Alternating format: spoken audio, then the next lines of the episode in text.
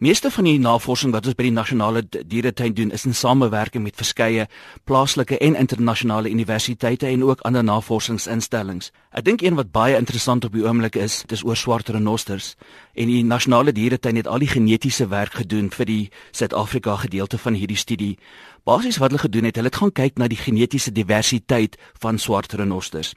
Wat hulle gedoen het, hulle het gaan kyk na plaaslike bevolkings, uh, genetiese materiaal gekry, so hulle 'n bietjie bloed getrek of dalk van die hare gebruik, veldselle, en hulle het gaan kyk na die genetiese diversiteit daarvan in vergelyking met ou materiaal wat gestoor is, byvoorbeeld uitstallings in museums of in bevriesde produkte uh, weet soos bloed en dit en hulle gaan kyk hoeveel verskillende genetiese lyne was eintlik beskikbaar gewees. Hulle het toe agtergekom dat ons het 70% van die genetiese diversiteit in swart renosters verloor oor omtrent 100 200 jaar. Nou dis nog baie skrikwekkend want wat dit beteken is daar's baie klein genetiese verskil. So as daar byvoorbeeld 'n siekte uitbreek onder swart renosters, is daar nie genoeg diversiteit om te verseker dat 'n sekere genetiese lyn sal voortbestaan want hulle is nou baie hulle lyk baie dieselfde en hulle is baie dieselfde spesies. Dis een van die nogal interessante uh, studies. Hulle het ook agtergekom dat die bevolkings van swart renosters noord en suid van die Zambesi uh, rivier verskil. So ons beteken ons moet nou ons bewaringsprojekte so aanpas om seker te maak dat ons probeer om meer genetiese diversiteit onder swart renosters te kry. So dis nogal baie swak wat eintlik die toekoms van bewaring van swart renosters is. Kom ons praat geëers oor die Pretoria dieretuin. Hoeveel diere het julle? Hoeveel of hoeveel spesies het julle? Die nasionale dieretuin in Pretoria het meer as 6000 uh, diere wat ons op uh, uitstalling het wat ons versorg. Dis omtrent so 500 tussen die 500 en 600 verskillende spesies van diere. Is dit diere van oorsee af? Het julle uitruilprogramme met ander dieretuine? Die uitruil van diere onder dieretuine is 'n baie belangrike projek want wat te doen is eerstens dis 'n teelprogram. Ons maak seker dat ons diere bestudeer dat ons kan aangaan met die teel van hulle.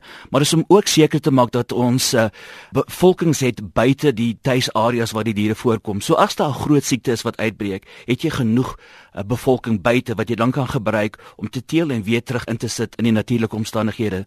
Daar was 'n groot projek gewees onder paddas. Paddas is besig met die grootste uitsterf sinds die dinosourusse 2/3 van alle amfibiese spesies is besig om uit te sterf of het al klaar uitgesterf.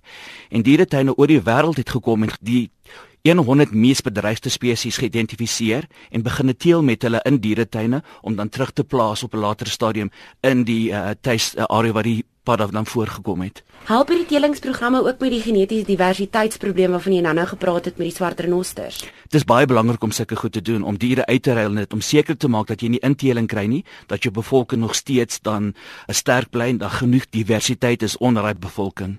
Dink met die paddas wat so belangrik is dat Paddas is 'n is 'n indikator spesies in 'n area. Hulle sal vir jou sê hoe gesond is daai omgewing.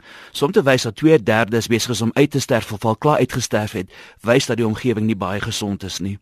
Op watter ander diere fokus julle ook julle navorsing op die oomblik? Ek dink nog 'n baie interessante navorsingsprojek wat ons mee besig is is oor Itermagol of in Engels verwys ons na dit as pangolins. Nou, hulle getalle is drasties besig om af te neem ook, want natuurlik eerstens hulle word gevang vir hulle skibbe, hulle word uitgevoer na die verre ooste toe, so dis 'n groot probleem. En een van die ander goed is hulle word ook gebruik in tradisionele medisyne ook.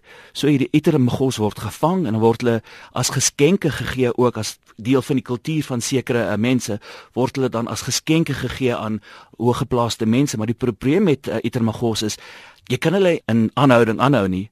Hulle teel glad nie in dieretuine aan nie. So ons moet seker maak dat ons genoeg navorsing het om hulle dan in die natuurlike omstandighede te kan bewaar.